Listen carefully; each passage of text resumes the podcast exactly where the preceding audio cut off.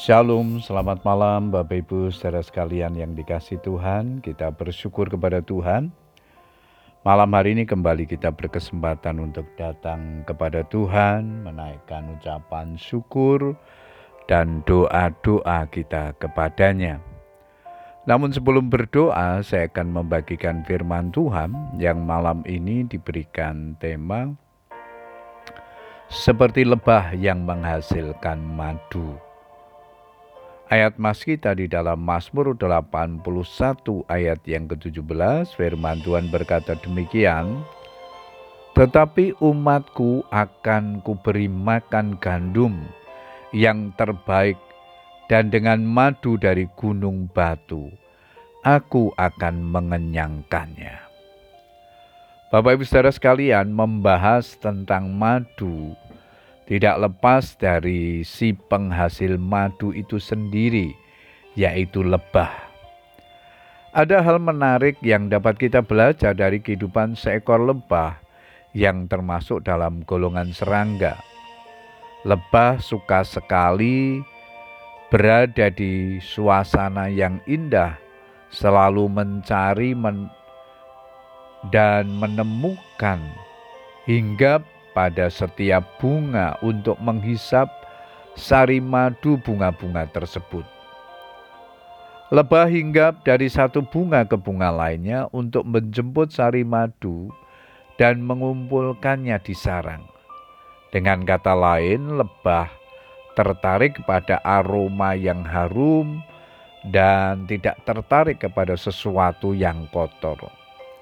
Selain itu lebah hidup rukun dalam satu koloni dan patuh kepada seekor ratu lebah sebagai pemimpinnya. Lebah taat kepada pembagian kerja, ada yang bertugas membuat sarang, ada yang khusus bertugas mencari madu, ada yang menjaga sarang, dan ada juga yang menjaga ratu lebah. Lebah madu adalah serangga sosial. Madu yang dihasilkannya kaya manfaat dan dikenal sangat berkhasiat untuk kesehatan. Meningkatkan sistem kekebalan tubuh, menambah stamina, dan sebagainya. Begitulah gambaran orang percaya yang hidup bersungguh-sungguh di dalam Tuhan. Ia memiliki gaya hidup seperti lebah yang tidak lagi tertarik dengan hal-hal yang kotor dan jorok, melainkan lebih tertarik kepada hal-hal yang baik dan indah, dan menjauhkan diri dari segala bentuk kecemaran atau dosa. Sebab Allah memanggil kita bukan untuk melakukan apa yang cemar, melainkan apa yang kudus. 1 Tesalonika 4 ayat yang ketujuh.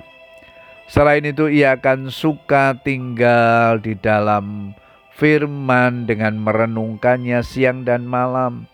Sebab Taurat Tuhan itu lebih manis daripada madu, bahkan daripada madu tetesan dari sarang lebah.